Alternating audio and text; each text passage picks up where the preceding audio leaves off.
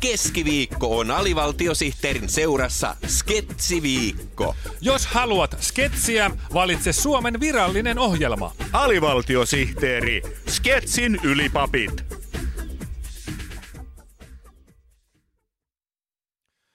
Siinä kolumnistimme Väinö Purje kysyi, Putin tuli esiin, missä piileskelee Urho Kekkonen. Tänään keuhkoamme katupölystä. Viime päivinä katupöly on ollut kaikkien huulilla. Kaupunkien lakaisinkoneosastot levittelevät käsiään, mutta onneksi köhinä, pihinä ja hengitysliitto on ottanut katupölyn hampaisiinsa. Liiton ulkoilman vastaava Rauhko Kekkula, mm? kuinka pihisee? Kiitos, hyvin pihisee. Ilman koostumus kotonani on tällä hetkellä 78 prosenttia typpeä ja 20 prosenttia hiekkaa. Nastarenkaiden nostattama katupöly aiheuttaa kitkaa kaupunkien keskustoissa. Kuinka paha tilanne oikeastaan on?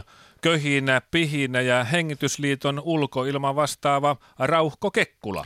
Asteikolla ei kovin paha, erittäin paha. Tilanne on erittäin paha. Mm-hmm. Tänä vuonna olemme tutkineet erityisesti katukahviloiden tuotteiden hinnoissa olevan ilmanlaatua 43 mittausaseman avulla ja tulokset ovat olleet huolestuttavia.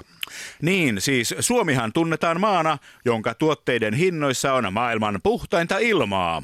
Onko tämä maine nyt saamassa kolauksen? Kyllä on. Suomen kahviloiden kallista kahvia on perusteltu sillä, että sen hinnassa olevassa ilmassa ei ole saasteita. Uh-huh. Mittaustemme mukaan hinnassa olevassa ilmassa on tänä keväänä ollut pienhiukkasia pahimmillaan yli kilolitraa kohti. Oho. Eli kahvikupillisten korkeille hinnoille ei enää ole perusteita. Anteeksi, mutta meidän täytyy keskeyttää haastattelu tärkeän lehdistötilaisuuden vuoksi. Hei, minä olen Helsingin Sanomien vaalikone ja ensimmäiseksi kysyn, oletko samaa vai eri mieltä viikon virallisesta palindromista? Isiä, työteliäs isäille töytäisi. Kysymys kaksi.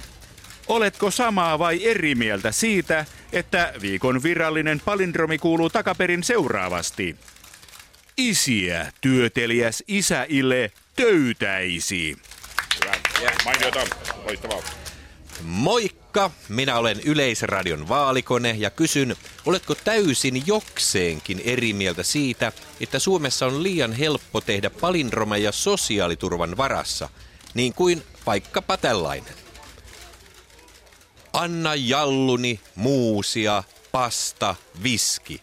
Siksi vatsa paisuu minulla, Janna. Hyvä. Hyvä. Hyvä. Kysymys kaksi. Valtion ja kuntien taloutta on tasapainotettava ensisijaisesti lausumalla palindromeja takaperin. Anna jalluni, muusia, pasta, viski.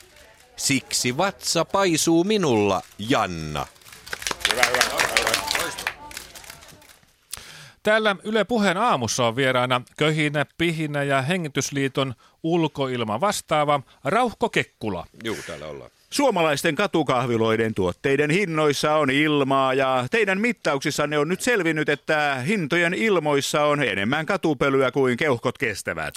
Kahviloiden pitäjät perustelevat katupölyn määrää sillä, että asiakkaat saavat samalla runsaan annoksen terveellisiä kivennäisaineita. Pötyy puhetta. Ainoa hyvä puoli katupölyssä on se, että sitä on nyt niin paljon, että nuoriso ei mahdu kaduille sekaan tappelemaan.